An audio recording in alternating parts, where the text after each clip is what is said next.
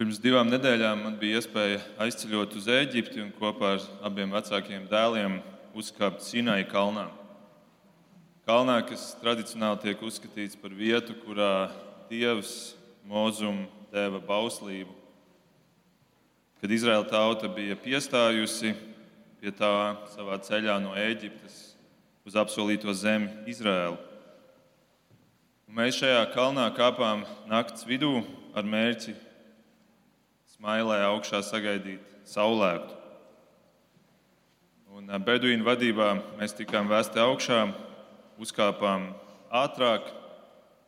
Bija jāgaida divas stundas uz saulēktu, un tā nu mēs sēdējām beduīnu teltī, būdiņā, tādā dzerot karstu tēju, lai sasildītos pirms dodamies smailē mīnus grādu augstumā. Un šī pieredze Beduīna teltī paliks man atmiņā ilgi, jo tā ļāva mazliet iztēloties, kā iespējams jutās Izraēla tauta, kad 40 gadus bija jāceļo pa tūkstnesi un jādzīvo šādās būdiņās, šādās teltīs. Man tas paliks atmiņā ilgi.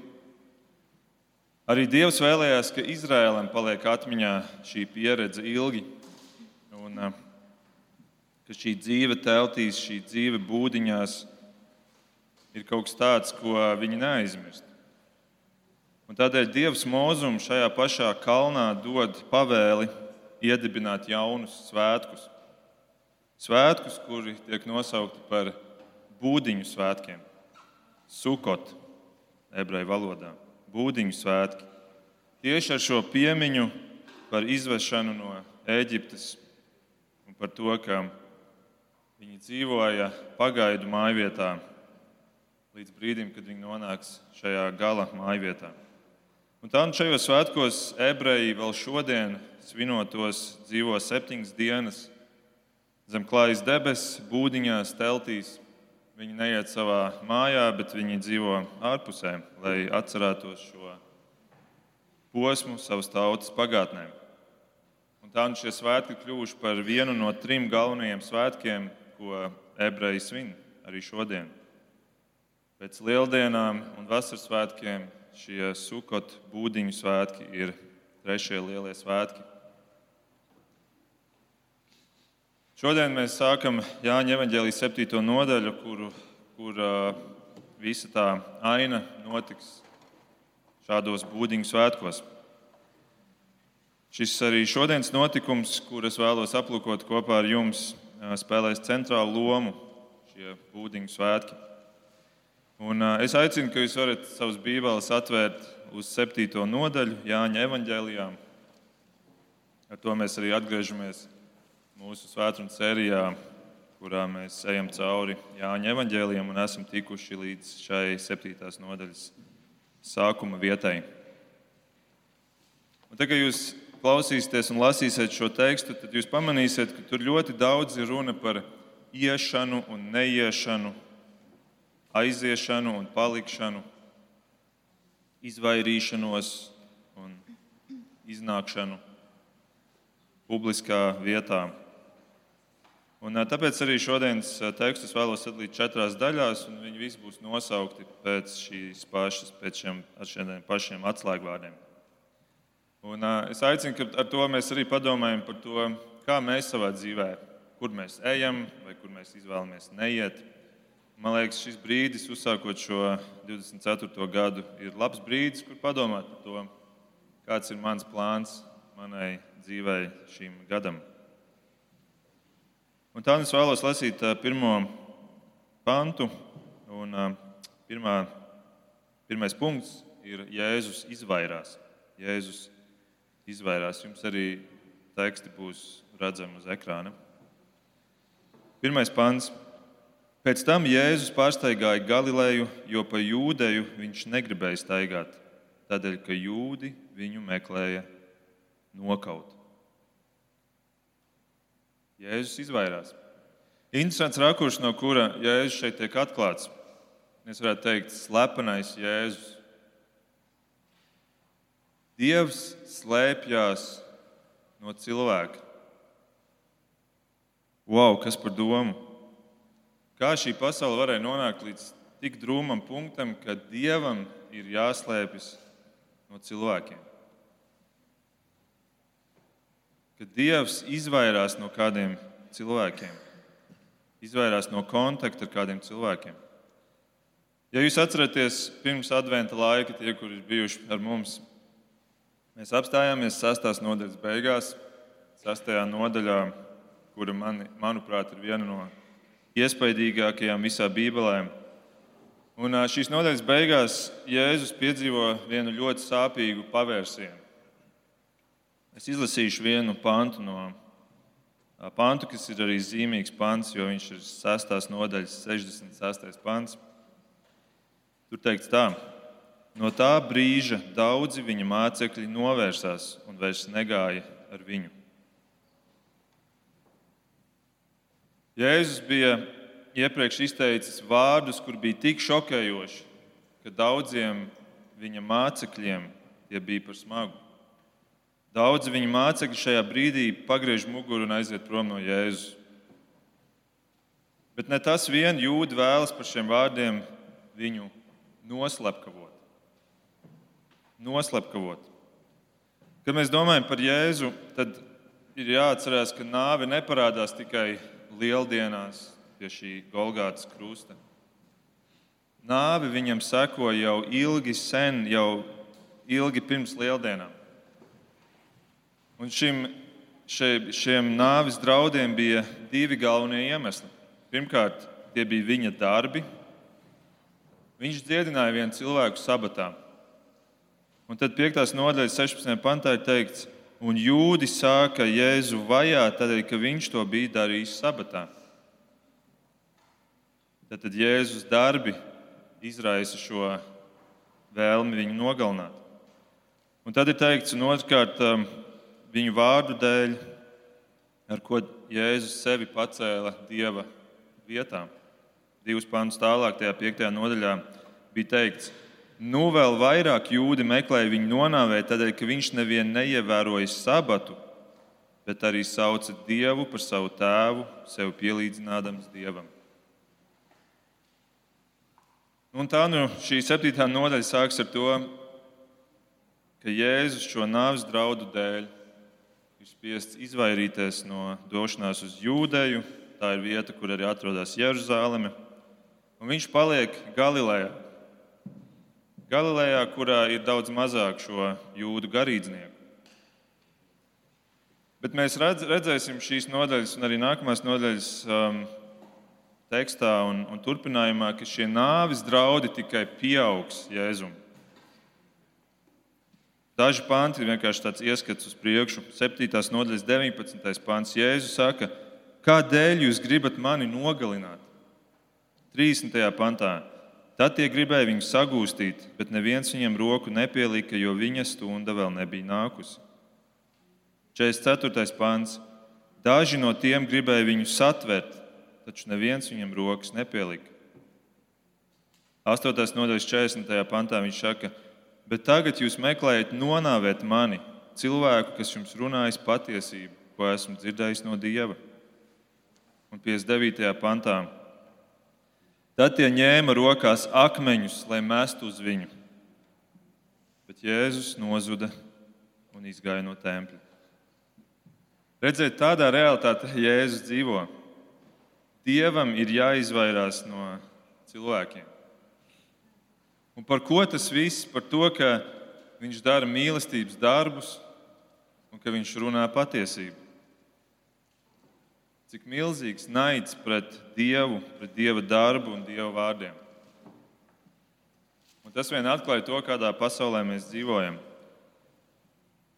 Kas valda šajā pasaulē, kurš valda šajā pasaulē par cilvēku prātiem un sirdīm? Un šodien, protams, tas joprojām notiek. Naids pret kristiešiem tikai pieaug mūsu sabiedrībā, mūsu kultūrā.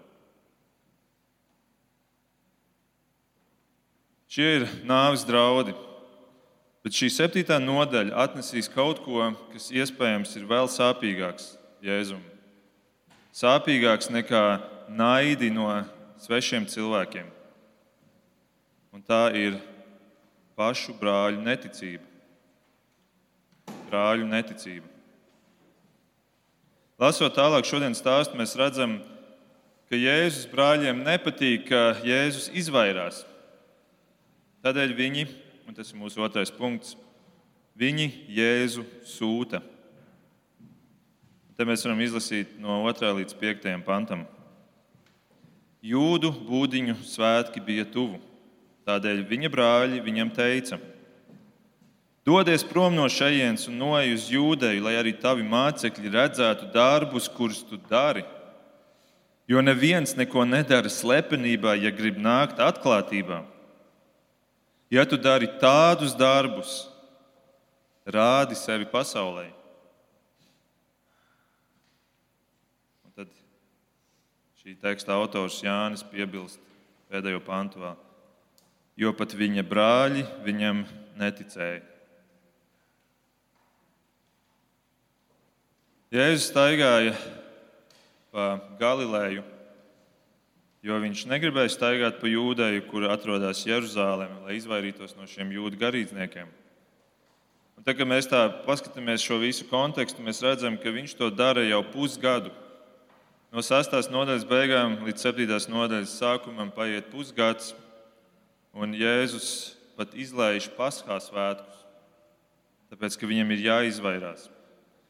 Un tad mēs redzam, ka tagad ir pienākuši nākamie lielie svētki, šie būdiņu svētki, jeb pat aiznākamie lielie svētki, būdiņu svētki. Un, uh, Jēzus brāļi tagad cenšas bakstīt viņu. Viņi redz, ka Jēzus dzīvojās te pa to Galileju, bet viņi saka, nu, ej taču uz to Jeruzalemi. Tagad, kad mēs lasām šo tekstu, es domāju, mēs iespējams tā pārskrienam viņam pāri un, un nodomājam, nu, tur jau nav nekā traka. Nu, tas ir tīri saprotami. Brāļi mēģina iedrošināt savu vecāko brāli. Ej taču un virzi savu misiju, nes to redzamākā platformā. Bet interesanti, ka Jānis, šī teksta autors Jānis, saka, ka tas nav teikts, šie brāļi to nesaka aiz tādas labas gribas vai aiz tādas patiesas vēlmes palīdzēt Jēzumam. Nē, viņi to saka aiz neticības. Šis piektais pāns, jo pat viņa brāļi viņam neticēja. Un, eh, es nezinu, kā jums, varbūt jums šķiet, eh, arī nu, tā pārlasot, liekas, nu, tur jau nekā nav, bet patiesībā tas ir ļoti nopietns punkts. Un tad es vēlos mazliet apstāties pie šī. Pirmkārt, kas ir šie brāļi? Kas ir šie brāļi? Pārsvarā visi komentētāji ir vienprātis, ka te ir runa par viņa miesīgajiem brāļiem. Brāļi, kuri ir piedzimuši pēc tam, kad Jēzus pirmais bija piedzimis Marijai. Tātad viņi ir jaunākie brāļi. Bībelē patiesībā pat nosauc viņus vārdā. Mēs varam apstīties Mateja evanģēlī 13. nodaļu, un tur viņi ir minēti. Tur teikts tā: Atnācis savā tēva zemē, viņš vietējos ļaudis mācīja viņu sinagogā tā ka tie brīnījās, no kurienes viņā tāda gudrība un tādi spēki, vai tad viņš nav Namdara dēls, vai tad viņa māte nav Marija un brāļi Jēkabs, Jāzeps, Sīmanis un Jūda, un vai visas viņa māsas nav pie mums? No kurienes tad viņam tas viss? Un tā tie apgrēkojās viņa dēļ. Tad Jēzus tiem sacīja: Pravietis nekur nav mazāk godāts kā savā tēva zemē un savā namā. Un Jēzus tur nedarīja daudz brīnumu viņu neticības dēļ. Tad ir tāds interesants apraksts, kur mēs redzam mazliet par Jēzus mīsīgo ģimeni. Šajā ģimenē auga pieci dēli un vēl arī kādas meitas. Tad mēs redzam, ka Jēzum bija četri brāļi un šie brāļi ir neticīgi. Viss tā aina ir vēl skumjāka. Patiesībā visa ģimene kādā brīdī bija diezgan negatīvi noskaņota pret Jēzu. Paklausieties Marka evanģēlijas trešās nodaļas aprakstu. Tad viņš, Jēzus, devās uz mājām un sanāca atkal ļaužu pūlis, tā ka viņi nevarēja pat maizi paēst. Un kad savējie, un kādos angļu tulkojumos ir iztulkots ģimene, to dzirdēja, kad ģimene, kad savējie to dzirdēja, tie iznāca viņu apvaldīt, jo tie runāja, viņam nav prāta. Redziet, Jēzus paša ģimene uzskatīja, ka viņš ir traks, ka viņa pārdabiskie darbi un šie izteiktie vārdi nav savienojami ar veselu saprātu, ar veselo saprātu. Padomā, kas par disfunkcionālu ģimeni mēs šeit redzam. Tas ir tik skumji. Kā jau teicu, iespējams, tas bija daudz sāpīgāk Jēzum nekā naids no šiem svešiniekiem, šī neticība no saviem tuvākajiem. Cik daudz kristiešu to piedzīvo šodien, vai ir piedzīvojuši?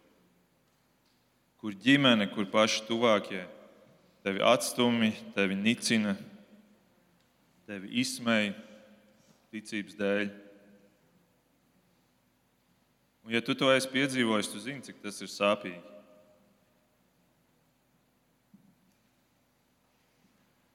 Bet atceries, tavs kungs pirmais tam gāja cauri. Un viņš tevi saprot. Mēs ievadā lasījām no 69. psalma, kas ir mesijāniskais psalms, kurā Jēzus runā ar savu tēvu. Tur bija viens, divi panti, kurus grib nolasīt vēlreiz. Viņš saka, jo tevis, Dievs, tevis dēļ es nesu negodu, tevis dēļ manu vaigu klāj kauns. Es esmu kļuvis svešs saviem brāļiem un svešinieks savas mātes bērniem. Jēzus saprot tos, kuri dzīvo šādā situācijā dzīvē, kuri iet cauri šīm sāpēm, kur pat tuvākie cilvēki, tava ģimene vai tavi draugi tevi atstumi. Netic tam, kam tu tici. Bet Jēzus parāda, ka viņam ir dārgi cilvēki, kuri viņa dēļ, Jēzus dēļ, Jēzus vārda dēļ, Dieva dēļ cieš šīs sāpes. Paklausieties vēlreiz Marka evanģēlīja trešajā nodaļā, tātad tajā nodaļā, kur ģimene viņu nosauc par prātā jukušu. Pāris pāns tālāk ir šāda situācija, kur Jēzus kaut ko pasaka par cilvēkiem, kuri ir līdzīgā situācijā. Marka 3, 31 līdz 35. Jēzus ir iegājis kādā namā, un tad, tad viņa māte un viņa brāļi nāca un ārpusē nostājušies sūtīja pie viņa, lai viņu pasauc. Ap viņu sēdēja ļaužu pūlis, un tie viņam sacīja: Redzi, tava māte un tavi brāļi un tavas māsas ārpusē tevi meklē. Un viņš tiem atbildēja: Kas ir mana māte un mani brāļi? Uzlūkojot ap sevi sēdošos, viņš sacīja: Redzi, mana māte un mani brāļi. Kas dara dieva gribu, tas ir mans brālis un māsa un māte. Jūs, kuri darāt dieva gribu, jūs viņam esat dārgāki par saviem mīsīgajiem vecākiem, brāļiem, māsām. Un viņš parāda, ka viņš saprot katru, kurš ir šādā situācijā savā dzīvē. Un, ja tu vēlēsies viņu iepriecināt, ja tu vēlēsies būt viņam dārgs, dari dieva gribu. Atpakaļ pie šodienas teksta, 7. nodaļā. Mēs redzam, šie paši brāļi, par kuriem mēs tikko mazliet uzzinājām vairāk. Šie paši brāļi tātad viņam saka, dodies prom no šejienes un noej uz jūdeju, lai arī tavi mācekļi redzētu darbus, kurus tu dari. Jo neviens neko nedara slepenībā, ja grib nākt atklātībā. Ja tu dari tādus darbus, tad rādi sevi pasaulē.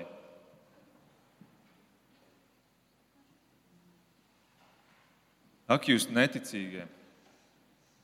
Jūs domājat, ka šis ir kaut kāds projekts, ka šis ir kaut kāds startups, kas ir jāreklamē pasaulē, lai iegūtu vairāk sekotāju, lai iegūtu lielāku slavu, lai iegūtu lielāku atpazīstamību, lai iegūtu vāru un beigās uz to varbūt varētu kaut kādā veidā nopelnīt. Nopelnīt uz sava lielā brāļa popularitātes rēķina. Jūs ar savu mīsīgo domāšanu. Bet, ziniet, tas skumjais ir tas, ka šodien daudzi kristieši tieši tā arī domā nopelnīsim uz Jēzus popularitātes rēķina. Galvenais ir liela atpazīstamība, galvenais ir pilnas baznīcas, galvenais, lai visos rādītājos ir izaugsme. Galvenais, lai ir lielāka popularitāte. Tad šī, šī pragmatiskā domāšana, kur mēs mēģinām pielāgot lietas tā, lai šī popularitāte augtu, Beigās ir tieši tā pati pieeja, ko lieto biznesa pasaulē. Skaties, kas darbojas, to tu dari, kas nedarbojas, kas varbūt cilvēkus atbaida, to tu nedari. Un tad nemanot iezogas tā nosliec, sākt runāt to, kas cilvēku ausīm ir populārs, ko viņi grib dzirdēt. Jo nepopulārais jau var tikai atbaidīt. Nerunāsim par grēku, nerunāsim par Jēzus sarežģīto pusi, kuru mēs Bībelē redzam, ar visām šīm viņa nepopulārajām mācībām. Nerunāsim par to, ko nozīmē Jēzus miesu ēst un asins dzert, kas tik daudzus aizbaidīja. Nerunāsim par izredzētību, jo tā ir ļoti nepopulāra tēma. Nerunāsim par visu to, kas bija šajā sastajā nodaļā iepriekšējā, kur visas šīs lietas Jēzus pacēla. Nerunāsim, lai cilvēki nav neapmierināti.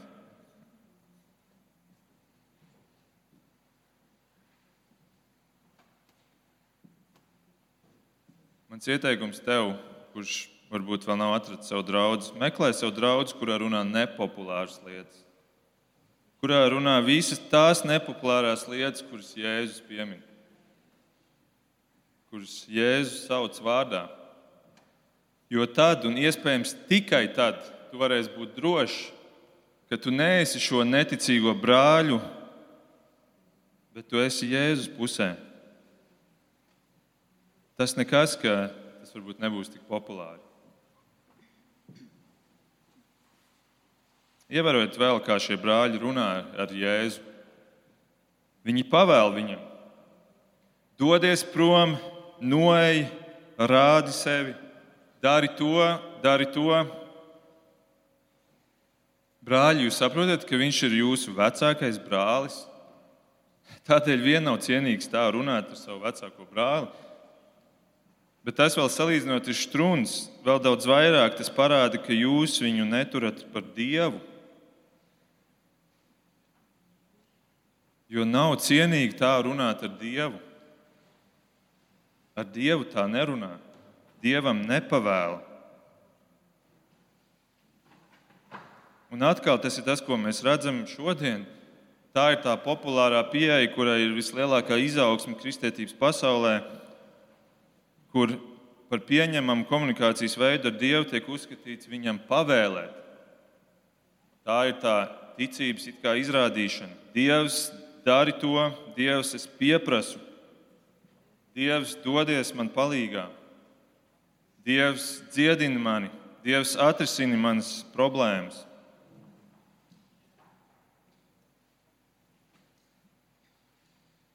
Bet ar trīsvienīgo tā nerunā. Viņam lūdz pazemībā. Lūdzu, sakot, ka ja tas ir saskaņā ar tavu gribu, tad lai tā notiek. Nevis pavēlu.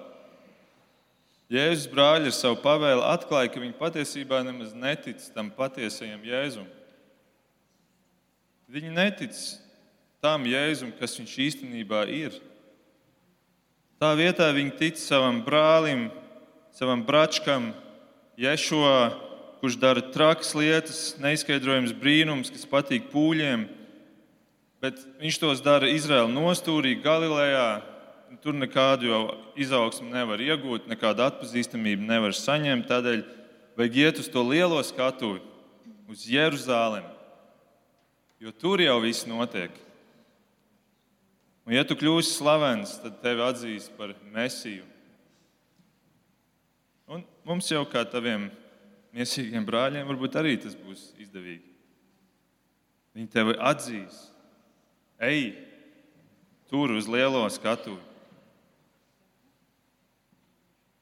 Tagad es tādu lasu un pārdomāju šo, šo, šīs pavēles, šo aicinājumu no brāļa puses.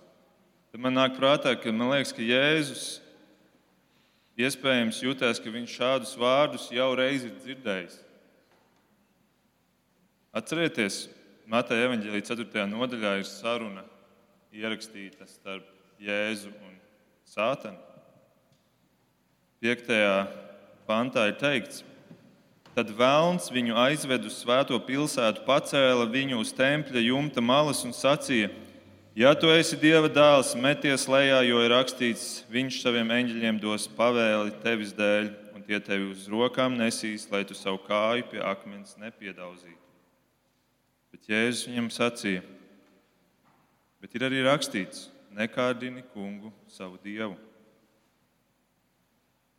Ja Vēlns viņus, viņu aicina darīt to, par ko ebreji ticēja, ka tad, kad nāks Mesija, tad viņš nolaidīsies no tempļa jumta brīnumainā veidā, nesatraumējot sevi uz eņģeļu rokām.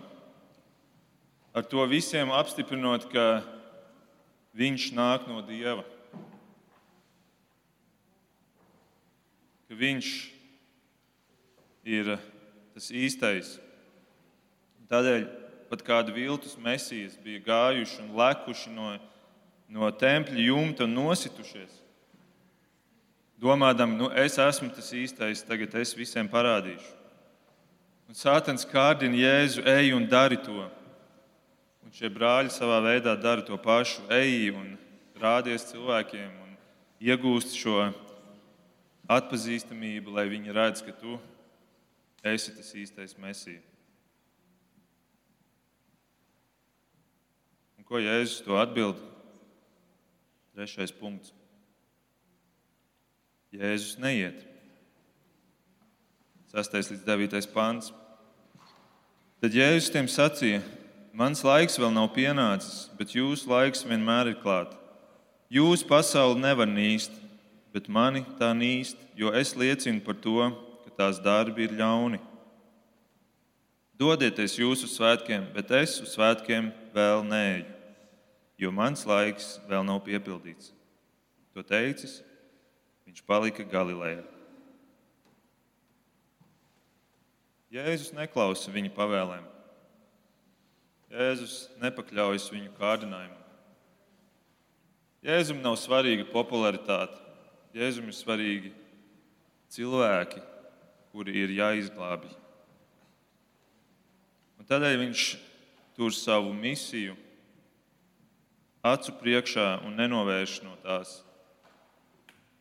Viņa atbild pārfrāzējot, ir: Man ir cits laiks nekā jūsu. Mēs dzīvojam divās dažādās laika zonās. Jūs dzīvojat sev, bet es dzīvoju Dievam. Un vēl mēs dzīvojam divās dažādās pasaulēs. Jūs šajā pasaulē esat pieņemti un atzīti. Jums nekā nedraud bet man draud briesmas, jo es esmu no citas pasaules. Un es rādu, ka šī pasaule ir ļauna, un cilvēkiem tas nepatīk. Bet tāda ir mana misija.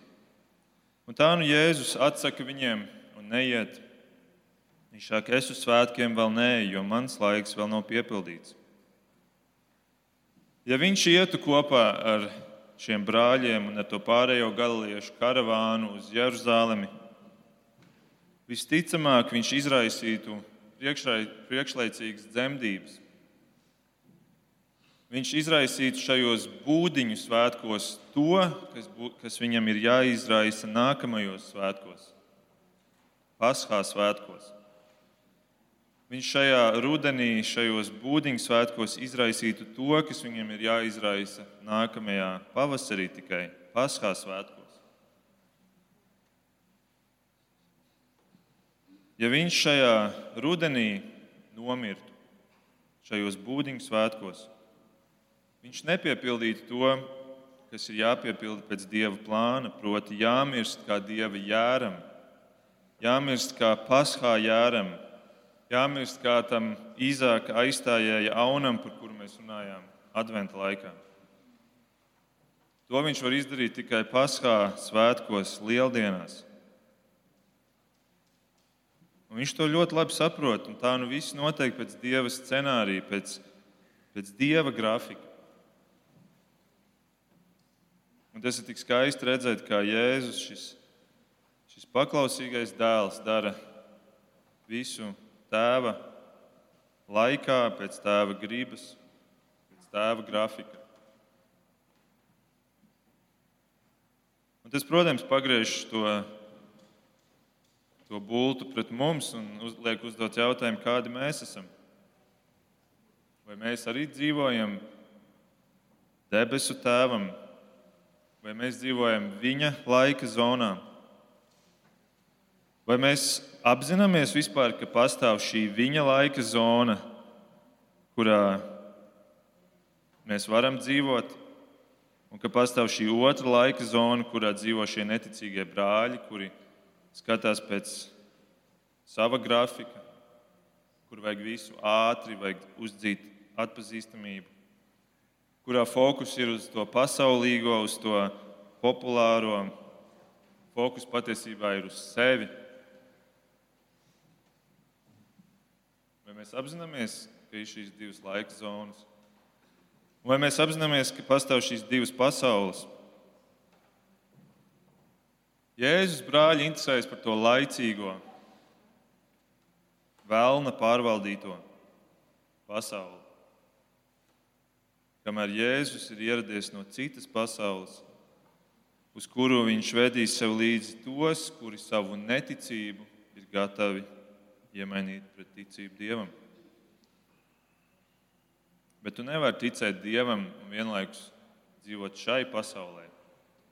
Tu nevari būt tēva, dēls, bērns, bet dzīvot savā laika zonā.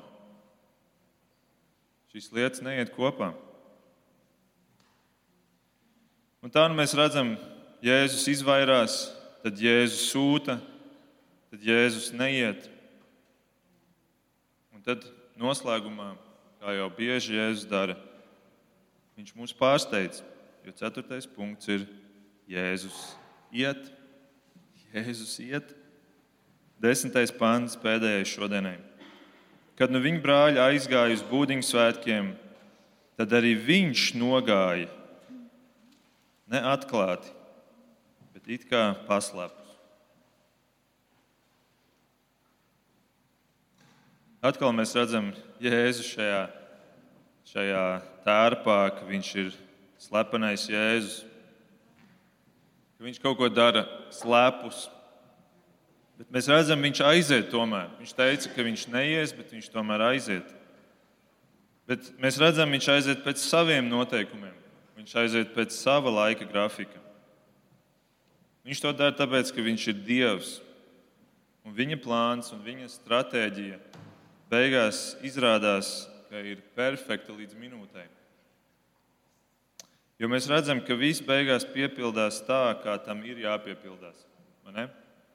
Mēs redzam, viņš nomirst tad, kad viņam ir jānomirst, kad Dievs to bija paredzējis.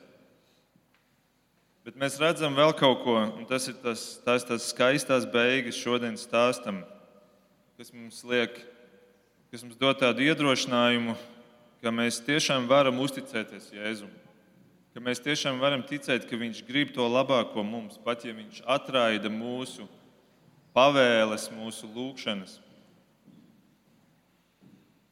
Jo mēs redzam šajā stāstā beigās, ka Jēzus parūpējis pat par tiem, kuri to bija vismazāk pelnījuši.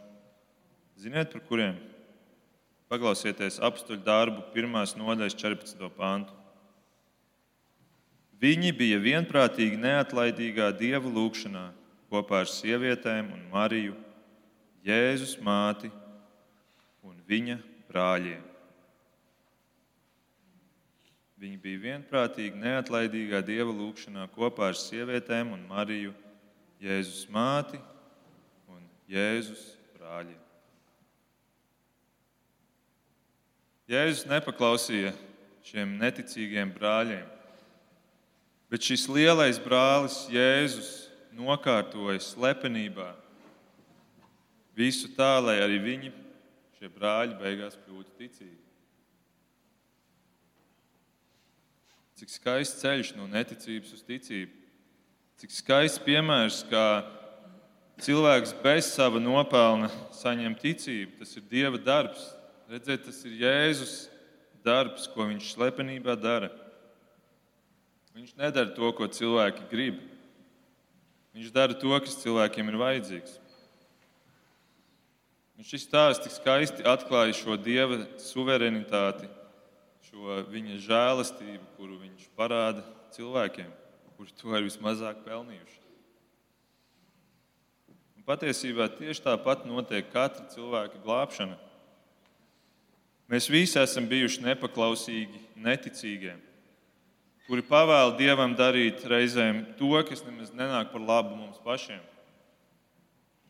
kuri ar, savi, ar, ar, ar uz sevi vērstajām, iekāru dzītajām un grēka samaitātajām sirdīm izvēlas to, kas mums patiesībā aizvest pazušanā. Bet mums ir lielais brālis. Lielais brālis Jēzus, kurš slepenībā darbojas un izdara visu, izmaina visu, panāk visu to, kas mums ir vajadzīgs. Un šis stāsts, mans draugs, ir arī stāsts, kas var būt tavs stāsts. Ja tu vēl neesi savu neticību devis viņam, varbūt tu saki, jā, jā, es ticu Dievam, bet tavu dzīve parāda to, ka tu tiešām tici viņam. Šis var būt tavs stāsts, ka tu savu neticību atdod Dievam. Vienalga, vai tu nāc no disfunkcionālas ģimenes, vienalga, vai tu esi cilvēku nesaprasts, atstumts. Vienalga, cik bieži tu pats esi smējies par Dievu. Vienalga, vienalga, vienalga ir lielais brālis Jēzus, kurš nav bēdājies kauna, lai tevi ievestu, lai tev dotu iespēju ienākt šajā Dieva ģimenē, kurā brāļi un māsas dara viņa gribu Un šajā ģimenē tu vari būt blakus Jēzus mātei, Jēzus māsām un pat šiem Jēzus brāļiem. Atzīst savus grēkus, nožēlo savu neticību un nāc pie viņa.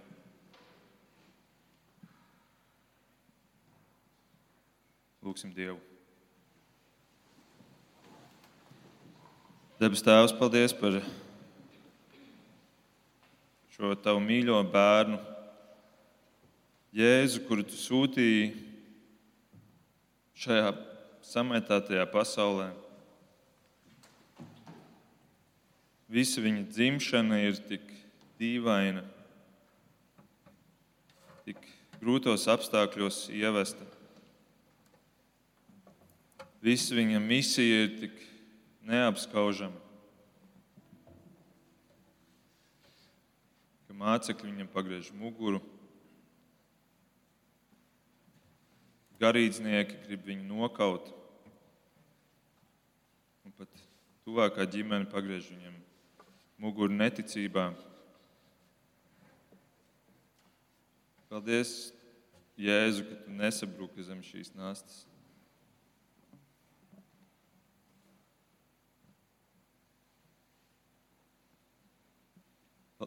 Paldies, ka tu nesabrūci zem tās nastas, kur mēs tev arī šodien uzliekam. Paldies, ka tu neklausi visām mūsu pavēlēm, visām mūsu uz sevi vērstajām lūgšanām.